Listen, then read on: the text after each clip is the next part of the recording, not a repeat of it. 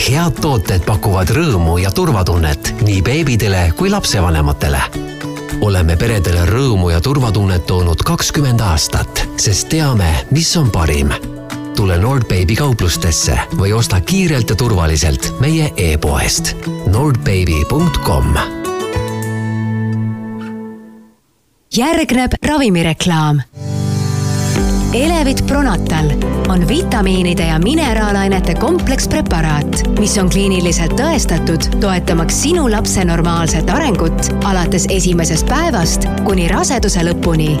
sinu beebi heaks. tähelepanu, tegemist on ravimiga. enne tarvitamist lugege tähelepanelikult pakendis olevat infolehte. kaebuste püsimise korral või ravimi kõrvaltoimete tekkimisel pidage nõu arsti või apteekriga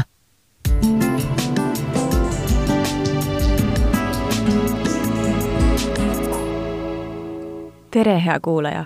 algab Pere ja Kodu podcasti Üheksa kuud, seitsmenda kuu saade.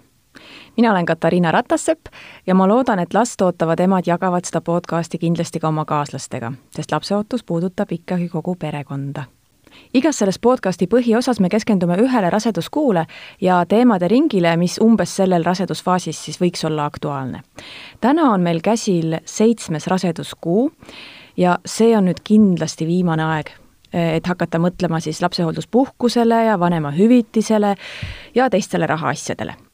täna ongi meil külas Pelgulinna sünnitusmaja sotsiaaltöötaja Marita Ilmoja, kes siis loodetavasti meile siis hästi kiirelt ja lühidalt poole tunniga teeb selgeks kogu selle keerulise süsteemi seoses lapse saamise ja rahadega.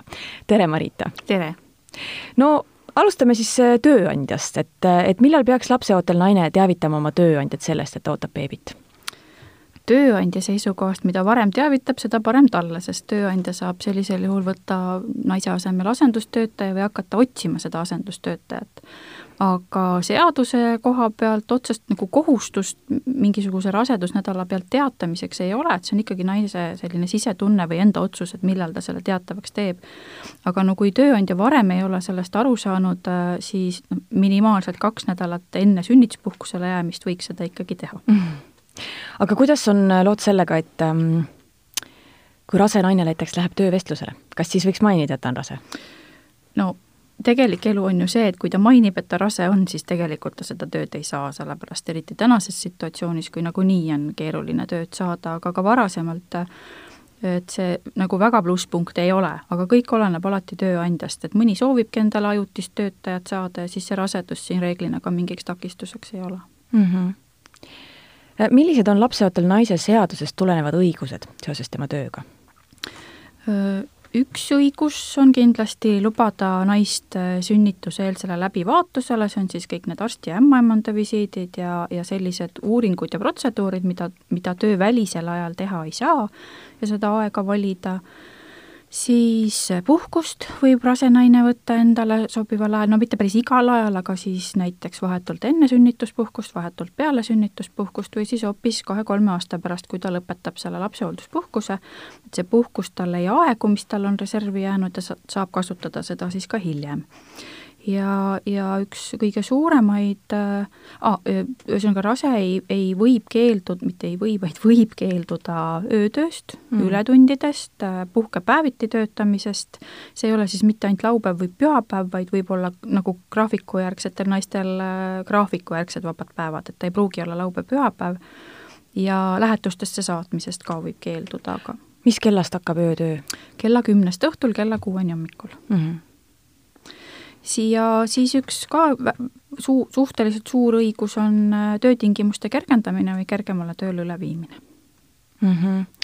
aga noh, sellest ma tahakski küsida edasi, et, et kui naine teeb näiteks füüsiliselt rasket või siis ohtlikku tööd, millised on tema õigused paluda siis äh, üleviimist kergemale tööle?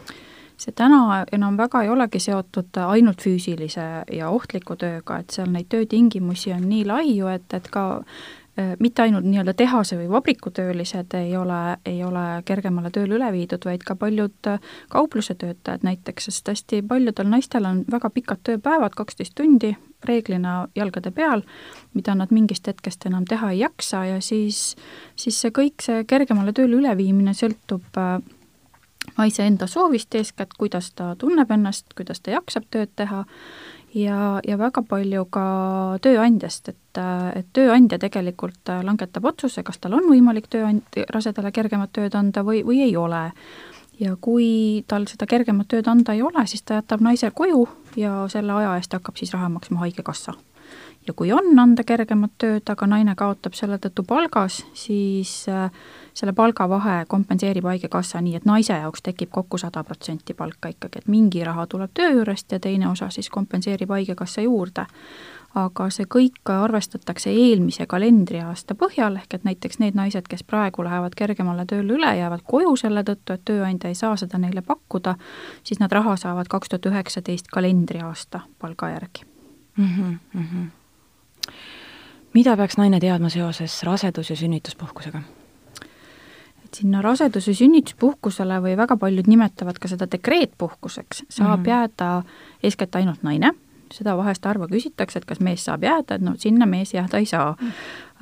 ja, ja saab jääda sinna ainult töösuhtes olev naine, et need naised, kes on, õpivad või on töötuna arvel või niisama kodus, et nemad sinna sünnituspuhkusele jääda ei saa, sest see on Haigekassa poolt makstav nii-öelda töövõimetushüvitis ja tähtis on, et siis sellel päeval, kui see sünnituspuhkus algab, oleks naisel kehtiv töösuhe ja, ja kas ta jääb sinna siis äh, seitsekümmend või viiskümmend või nelikümmend või kolmkümmend päeva enne tähtaega, et see on tema enda otsus. kui ta on kergemale tööle üle viidud, siis peab jääma seitsekümmend päeva enne tähtaega, et siis ise seda algusaega valida ei saa, aga kõik muud töötavad naised, kellel ei ole mingit kergemat tööd, vormistatud, et nemad ise otsustavad siis. ja sellest hetkest, kui ta siis sinna sünnituspuhkusele jääb, hakkab tegelikult jooksma üheksateist koma üks kuud ajalist perioodi, kui ta saab siis mingisugust enda sajaprotsendilist palka. esmalt siis seda sünnitushüvitist saja neljakümne päeva eest ja hiljem siis vanemahüvitist neljasaja kolmekümne viie päeva eest, nii et need kaks asja ajaliselt kokku on üheksateist koma üks kuud ja ta kindlasti siis peab jällegi vähemalt kaks nädalat varem tööandjat teavitama, et ta jääb sünnituspuhkusele. avaldust selle jaoks kirjutada ei ole vaja, sest töövabastuse selleks ajaks annab see töövõimetusleht põhjusega sünnituspuhkus, siis tööandja kinnitab ta ära ja Haigekassa maksab korraga välja selle saja neljakümne päeva raha ja kui tal on mitu tööandjat naisel, siis see sünnituspuhkus algab kõikide tööandjate juurest üheaegselt, et, et seda ei saa nii, et ühest kohast jään seitsekümmend päeva ja teisest kohast jään kolmkümmend päeva varem. selle saja neljakümne päeva jooksul tööl edasi käia ei ole lubatud, sest see on nii-öelda töövõimetuse aeg, küll aga võib saada tasu juba tehtud töö eest, et kui näiteks kõigile makstakse mingit preemiat sellel ajal, kui naine on sünnituspuhkusel, siis see on okei. okay aga tööle minna ei tohi. siis tekivad selle sünnituspuhkuse ajal naise jaoks äh, ei pruugi tekkida, aga võivad tekkida puhkusepäevad, et kui näiteks osa sellest sünnituspuhkusest sõidab uude aastasse, näiteks hakkab esimene detsember ja lõpeb ära kuskil aprilli keskel, siis naine ise selles dekreedis viibides tekib, teenib välja puhkusepäevi, mida ta siis enne dekreeti välja võtta ei saa, aga saab, need jäävad talle reservi, et ta saab kasutada siis neid hiljem see sünnituspuhkus on äh, sada nelikümmend päeva järjestikust kalendripäeva, ta ei pikene pühade tähtpäevade arvelt, vaid pannakse paika selle oletatava sünnituse tähtaja järgi, mis arst või ämmaemand on paika pannud. Ja sealt lähtuvalt siis kas seitsekümmend kuni kolmkümmend päeva enne tähtaega võib jääda kui äh, toimub enneaegne sünnitus, siis äh, näiteks enne kolmekümnendat rasedusnädalat, sest sinna sünnituspuhkusele kõige varem saabki jääda kolmekümnendast rasedusnädalast, äh, siis kirjutatakse sünnitusleht välja üldjuhul lapse sündimise päevast alates, kui ta sünnib umbes kahekümne kaheksanda nädala pealt või sealt edasi. et see on vahest ka naistel hirm, et, et kes sünnitavad enneaegselt või enne seda, kui nad on jõudnud veel sünnituspuhkusele jääda, et nüüd nad ei jäänud kolmkümmend päeva enne tähtaega, selle tõttu on hirm, et nad saavad mingit raha selle tõttu vähem, ehk et dekreetraha saavad vähem. see kindlasti nii ei ole, et, et see sünnituspuhkus pannakse paika oletatava tähtaja järgi, aga kui laps sünnib näiteks kolmkümmend kaks päeva või, või seitsekümmend päeva enne seda tähtaega, et siis ikkagi see sünnituspuhkus naise jaoks on sada nelikümmend päeva, mitte vähem, ja raha loomulikult ka makstakse saja neljakümne päeva eest. ja arvestatakse teda siis ka kalendriaasta keskmise palga pealt, et need, kes jäävad sellel aastal dekreeti, saavad raha kaks tuhat üheksateist aasta palga järgi ja kes jäävad uuest aastast, saavad kaks tuhat kakskümmend palga järgi.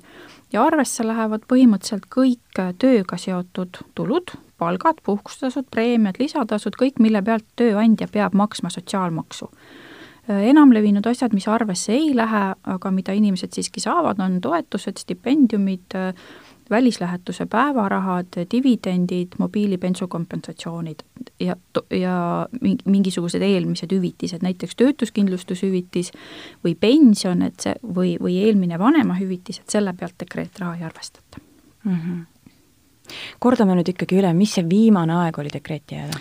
Viimane aeg on jääda kolmkümmend päeva enne sünnituse tähtaega ja nüüd, kui naine rikub seda reeglit, et ta ei soovi jääda mingil põhjusel kolmkümmend päeva enne tähtaega, vaid tahab jääda näiteks kakskümmend päeva enne tähtaega, siis äh, loomulikult väljastatakse see sünnitusleht talle tema soovitud kuupäevaks, aga lühemaks perioodiks, saja kolmekümneks päevaks, saja kahekümneks päevaks ja Haigekassa maksab siis ka raha vähema perioodi eest. Kui naine üldse enne sünnitust äh, sünnituspuhkusele jääda ei taha, siis saab ka nii, et sünnitusleht väljastatakse sünnitamise päevast alates ja siis ta on sada kümme päeva. kui naisel on sünnituspuhkuse õigus, ehk et ta on töötav naine, siis tal on natuke nagu ka kohustus sinna sünnituspuhkusele jääda, ehk et äh, seda tuleb küll väga-väga harva ette, aga kui, kui naine otsustab, et mina sünnituspuhkusele jääda ei soovi, näiteks ta tahab, et vanemahüvitis hakkab sünnist alates peale, siis esimesed seitsekümmend päeva vanemahüvitist on miinimumpalga järgi ja edasi läheb siis vastavalt tema enda palgale mm. -hmm. Kas ma saan õigesti aru, et äh, mida varem naine jääb sünnituspuhkusele, seda varem peab ta ka pärast lapse sündi tööle naasma? Selles mõttes ei pea varem tööle naasma, et ta, ta võib kodus olla ikkagi kuni lapse kolmeaastaseks saamiseni, aga lihtsalt vanemahüvitis saab varem otsa mm. -hmm. et need, kes jäävad äh, sünnituspuhkusele kolmkümmend päeva enne tähtaega, nendel on laps pooleteiseaastane, kui emapalk saab läbi. ja need, kes jäävad seitsekümmend päeva enne tähtaega, siis nendel on laps umbes nelja ja viie pool, aasta nelja pool, viie kuu vahepeal seal millalgi, kui see lõpeb. see nagu see ajaline vahe on nelikümmend päeva siia-sinna, eks ole, mis sinna kõigub ja muidugi, kes, kellel töö võimaldab, tervis on okei okay,, siis võib jääda kolmkümmend päeva enne tähtaega ja sellega nad ka tagavad selle, et laps on noh, punkt kolm, pooleteist aasta vanune, kui see emapalk läbi saab. ja kuna ja üldjuhul äh, saab ka võtta mingi osa puhkusest välja enne dekreeti, kas või selle osa, mis ta siis selle dekreedi, dekreedis või sünnituspuhkusel olemise arvelt teenib, et siis see annab ka võimaluse natuke varem koju jääda, kõigepealt puhkusele ja siis sealt juba sünnituspuhkusele mm. -hmm. aga räägime nendest naistest, kes ei tööta. millal nemad äh, vanemahüvitist hakkavad saama? Nemad hakkavad saama vanemahüvitist sünnist alates ja saavad seda viissada nelikümmend viis päeva ehk kaheksateist koma üks kuud mm. -hmm. ja see nüüd ka oleneb, et tähendab, seda töölepingut või mingit töösuhet on oluline omada selle jaoks, et saada sünnitushüvitist, aga vanemahüvitise puhul vahet ei ole, kas sul on leping või ei ole, et seda saavad kõik mm. -hmm. rääkisime siis ema puhkusest seoses lapse sünniga, aga millised õigused on isal saada lapse sünni puhul puhkust? Äh, isa võib võtta alates esimesest juulist kolmkümmend kalendripäeva isapuhkust, ta võib seda võtta kas juba alates kolmkümmend päeva enne sünnituse tähtaega või siis kuni lapse kolmeaastaseks saamiseni, võib võtta osade kaupa, võib võtta korraga, kui tööandjal on äh, sisekord, et puhkust lühem aega kui äh, seitse päeva ei anta, siis ta näiteks päeva kaupa seda võtta ei saa aga kui tööandjal sellist korda ei ole, siis kokkuleppel võib seda puhkust kasutada ka päeva kaupa.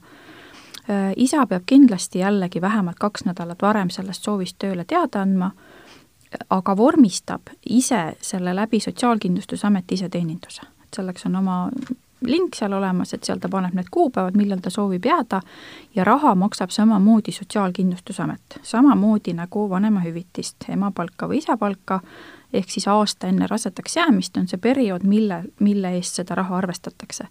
ja selles mõttes vahet ei ole, kas isa võtab selle puhkuse lapse sünnihetkel või, või enam-vähem kolme aasta pärast, see raha arvestusperiood ei muutu, ta jääb ikkagi paika aasta enne rasedaks jäämist mm. -hmm.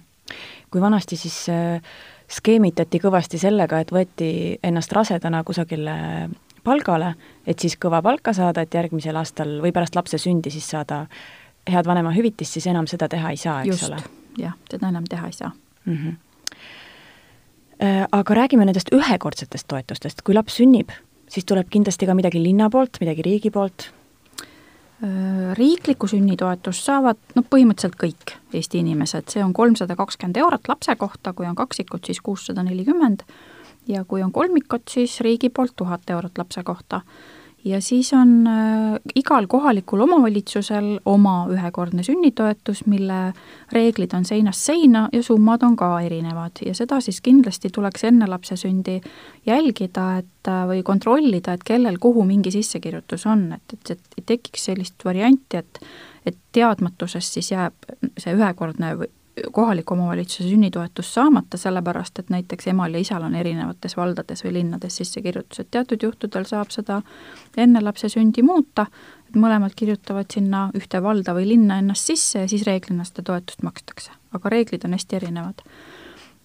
Ja Tallinnal näiteks on siis toetus kolmsada kakskümmend eurot, millel mak-, mis, mis makstakse kahes osas, sada kuuskümmend peale sündi ja sada kuuskümmend aasta pärast, ja riiklikku toetust siis saavad kõik kolmsada kakskümmend eurot lisaks on olemas igakuine lapsetoetus, mis hakkab peale sünnist alates, on kuuskümmend eurot kuus ja makstakse siis kas kuni kuueteist või kuni üheksateistaastaseks saamiseni, sõltub, kui, kuidas laps õpib.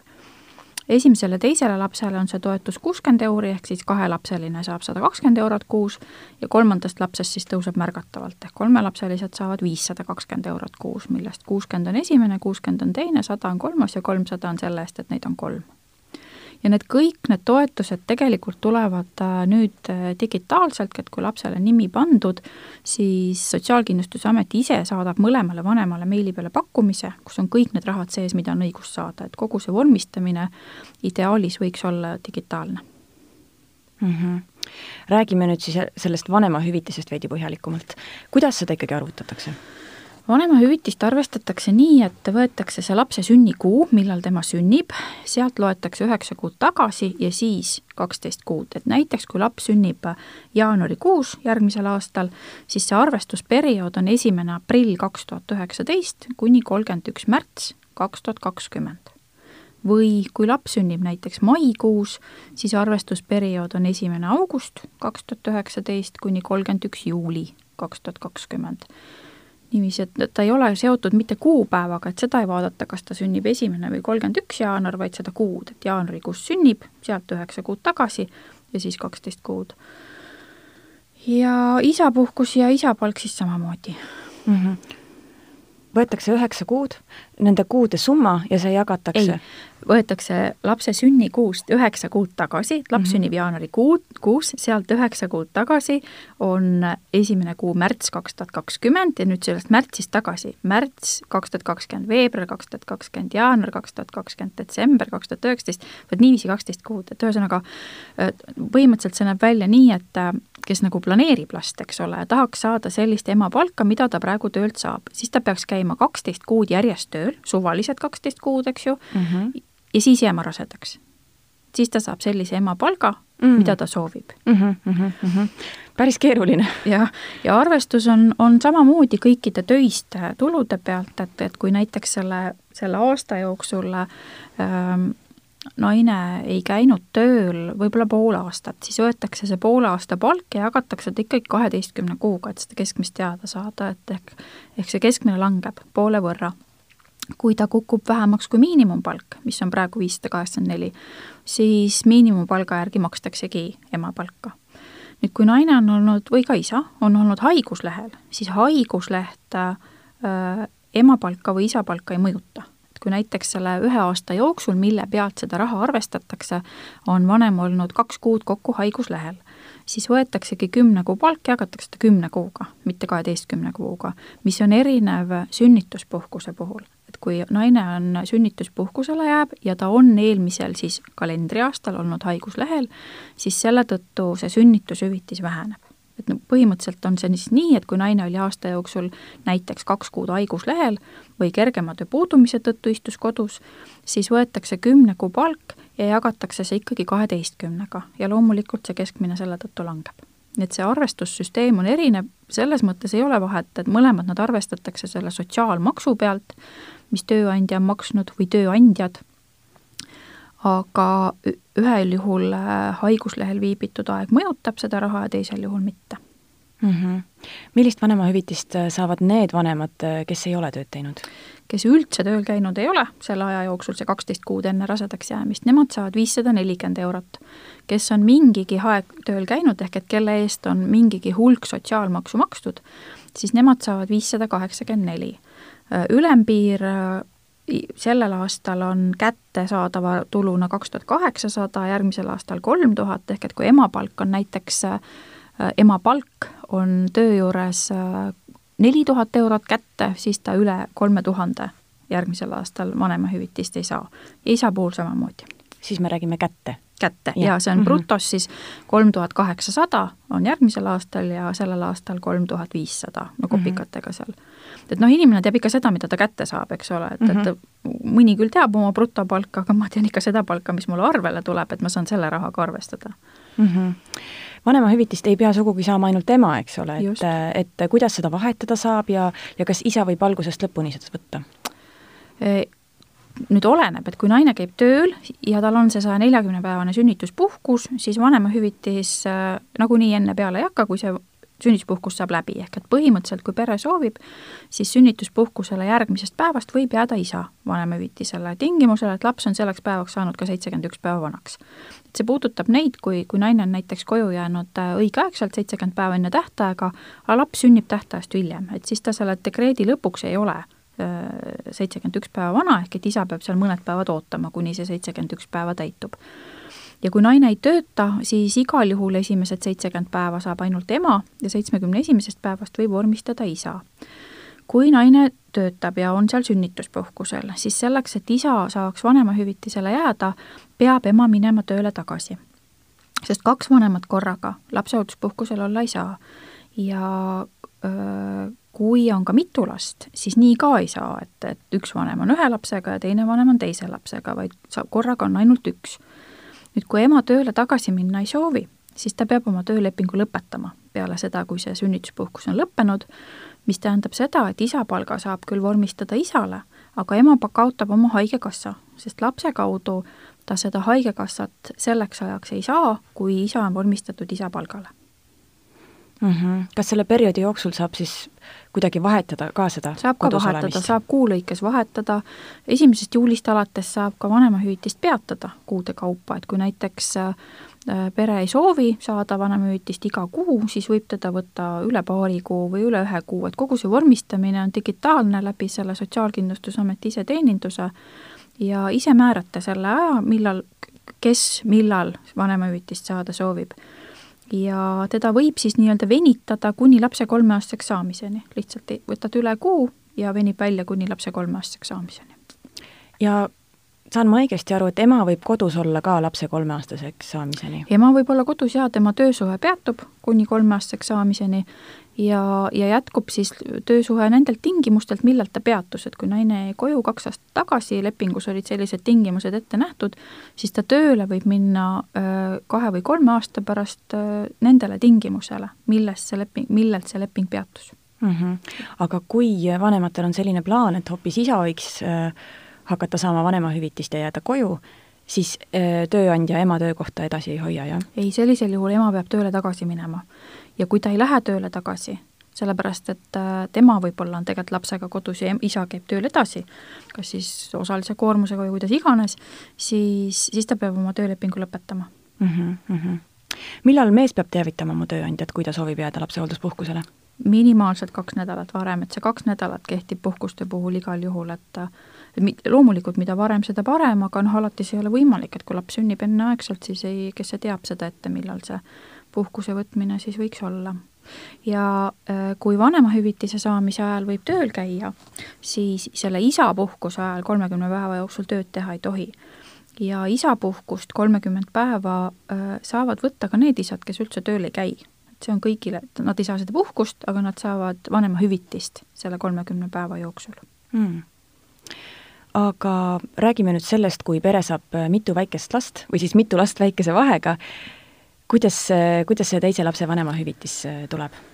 Kui laste vahe jääb nüüd väiksem kui kolm aastat, ehk et esimene laps on näiteks kahe aasta ja kaheksakuune vanune, kui sünnib teine laps, siis läheb seesama vanemahüvitis edasi, mis eelmise lapsega. et kui tekib selline olukord, et esimene laps saab täna kolmeaastaseks ja ülehomme sünnib teine laps, et siis enam sama raha edasi ei lähe, vaid vaid hakkab ta siis olema kas hetkel kehtiv miinimumpalk või siis see kõige alumine number üldse, mis praegu on viissada nelikümmend. ja öö, selle jaoks siis on ka lapsehoolduspuhkusel olijal, naine on lapsega kodus näiteks, siis tal on kaks varianti, et kuidas ta seda raha uuesti saama tahab hakata, et üks on see, et emapalk hakkab kohe sünnist alates ja teine variant on siis see, et ta jääb sünnituspuhkusele, et, et selle jaoks tuleb teha jällegi vähemalt kaks nädalat varem tööle avaldus, et ma soovin lapsehoolduspuhkuse katkestada. Järgmisest päevast siis algab sünnitusleht, ehk et reaalselt naine tööle minema ei pea, ta ainult vormistab ennast, et saada endale tagasi tööandjapoolne haigekassa, mis tal on peatatud, ja, ja niimoodi saab jääda ilma tööle minemata sünnituspuhkusele. ja kui on väike laste vahe, see alla kolme aasta, siis sünnituspuhkusele tasub jääda tegelikult ainult nii, et tähtajani jääb kolmkümmend päeva. et mitte seitsekümmend või kuuskümmend päeva enne, vaid just kolmkümmend päeva enne tähtaega, sest Haigekassa maksab sünnitushüvitist kodus olevale naisele miinimumpalga järgi, sest ta ei ole eelmisel aastal tööl käinud. Aga sünnitusjärgsed päevad sellest dekreedist kompenseerib Sotsiaalkindlustusamet juurde, et ehk et uue lapsega naine saab seda sünnitushüvitise raha või dekreetraha nii-öelda kahes osas, et kõigepealt tuleb Haigekassast miinimumpalga järgi, mis praegu näiteks makstakse välja kaks tuhat ükssada kaheksakümmend kätte, ja sünnitusjärgsed päevad siis kompenseerib üsna ruttu peale sünnitust Sotsiaalkindlustusamet juurde ja kuna makstakse kinni ainult sünnitusjärgsed päevad dekreedist, siis sellepärast on mõistlik jääda dekreeti just kolmkümmend päeva. et võimalikult vähe aega jääks selle miinimumpalga järgi. ja kui neid kahte varianti omavahel võrrelda naise jaoks, et mis seal vahet on, kas mul hakkab emapalk kohe tulema või ma siis jään sinna dekreeti, saan selle miinimumi järgi, siis kompensatsiooni ja hiljem emapalka sinna otsa, siis see rahaline vahe keskmiselt on selle dekreediga variandi kasuks umbes nelisada kuuskümmend eurot kui dekreet võtta, siis noh, pooleteise aasta peale kokku saab naine umbes nelisada kuuskümmend euri rohkem raha. pluss töölt tiksuvad puhkusepäevad selle saja neljakümne päeva eest mm. -hmm aga kui laste vahe on jäänud siis juba üle kolme aasta ja ema sooviks äh, saada siis suuremat äh, vanemahüvitist kui miinimumpalk, siis tal tuleks minna tööle, teha aasta aega tööd ja siis jääda rasedaks, jah? just, täpselt mm. -hmm aga kui laps on sündinud, kuidas tuleb lapse sünd registreerida? see on nüüd ka imelihtsaks muutunud, et sündi saab registreerida kohe põhimõtteliselt peale sünnitust, sest isikukoodi ta saab kohe ja rahvastikuregistri kaudu online saavad kõik vanemad, ka üksikemad, lapse sünni registreerida. põhimõtteliselt seda tuleks teha ühe kuu jooksul ja vahet ei ole, kas teha rahvastikuregistri kaudu või minna koha peale, kas Õnnepaleesse või kohalikku omavalitsusse et kuu aja jooksul tuleb seda teha ja kui nimi on pandud, siis nimepanek on tasuta, sünnitunnistuse saab Õnnepala eest või kohalikust omavalitsusest kohe kätte ja kui nimi on pandud, siis mõne päeva jooksul saadab Sotsiaalkindlustusamet pakkumise meilidele, kus on siis kõik need toetused kirjas, nii et selles mõttes on kõik hästi elektroonne, et sünnitus ise veel ei ole elektroonne, aga sünnijärgsed tegevused on kõik väga elektroonsed. kes soovib seda muidugi. nii, ja kui laps on sündinud, siis mis tuleb kohe varsti teha, on äh, hakata taotlema lasteaiakohta, eks ole, et kuidas see käib? no Tallinnas on jah, sellega ikka natuke nutune, selle lasteaiakohaga, eks ole, oleneb, kes millal saada tahab, aga oleneb ka täitsa linnaosast tegelikult, et osad saavad hästi ruttu ja teised ootavadki pikemalt, et äh, enne lapse sündi ühtegi toimingut tema suhtes teha ei saa, ehk et registreerida lasteaeda järjekorda kolm kuud enne sünnitust ei ole võimalik, et ikkagi tuleb talle kõigepealt nimi ära panna, see sünd registreerida ja siis võib Tallinnas valida välja endale kolm lasteaeda, kuhu ta siis järjekorda järjekorda panna, et see ei ole mitte elukohaga seotud, vaid see Tallinna territoorium, ükskõik kuhu, siis noh, mõistlik on käia need lasteaiad läbi, seal kohapeal avaldus ära teha, aga põhimõtteliselt võib ka interneti kaudu selle avalduse esitada mm. -hmm.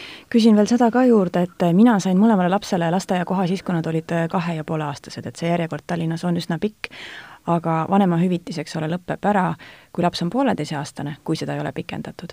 kas linn toetab kuidagi seda vahepealset aega ka, et, et saaks last kusagile hoidu panna? jaa, Tallinn ja lähivallad äh, on ette näinud endale lapsehoiuteenuse toetuse, Tallinnas on ta noh, iga aasta natuke muutub, sellel aastal on sada kaheksakümmend seitse eurot. Ja seda saab siis äh, taotleda oma linnaosa valitsuse sotsosakonnast näiteks või oma vallavalitsusest. Ja on kuupõhine, et iga kuu tuleb esitada siis sinna see kuludokument nii-öelda ja, ja siis osa sellest lapsehoiuteenusest kompenseeritakse. et kui näiteks mingi erahoiu või la-, la-, lapsehoidja tasu on näiteks nelisada eurot kuus, siis Tallinn kompenseerib sellest sada kaheksakümmend seitse eurot ja, ja see laps, noh, kui ta on lapsehoid, siis see on ikkagi mingi asutus, eks ole, et põhimõtteliselt saab seda ka toetust taotleda ka lapsehoidjale, aga see ei saa olla suva, noh, vanaema või naabritädi, eks ole, et see lapsehoidja peab sellisel juhul olema FIE, kellel on lapsehoidja kutse või pedagoogiline eriharidus mm. -hmm aitäh sulle, Marita, mulle tundub, et me oleme nendele tähtsatele teemadele nüüd äh, ringi peale teinud. loodan, et äh, rasedatele, tulevastele emadele sai see asi vähemalt natukenegi lihtsamaks. Äh, aitäh, armas kuulaja, et sa meid ära kuulasid. kõik meie saated on leitavad Spotify'st, iTunes'ist, SoundCloud'ist ja kõikidest teistest suurematest podcast'ide rakendustest. leidke meid üles, hakake jälgima ja uued episoodid jõuavad esimestena teieni head tooted pakuvad rõõmu ja turvatunnet nii beebidele kui lapsevanematele. oleme peredele rõõmu ja turvatunnet toonud kakskümmend aastat, sest teame, mis on parim. tule Nordbaby kauplustesse või osta kiirelt ja turvaliselt meie e-poest nordbaby.com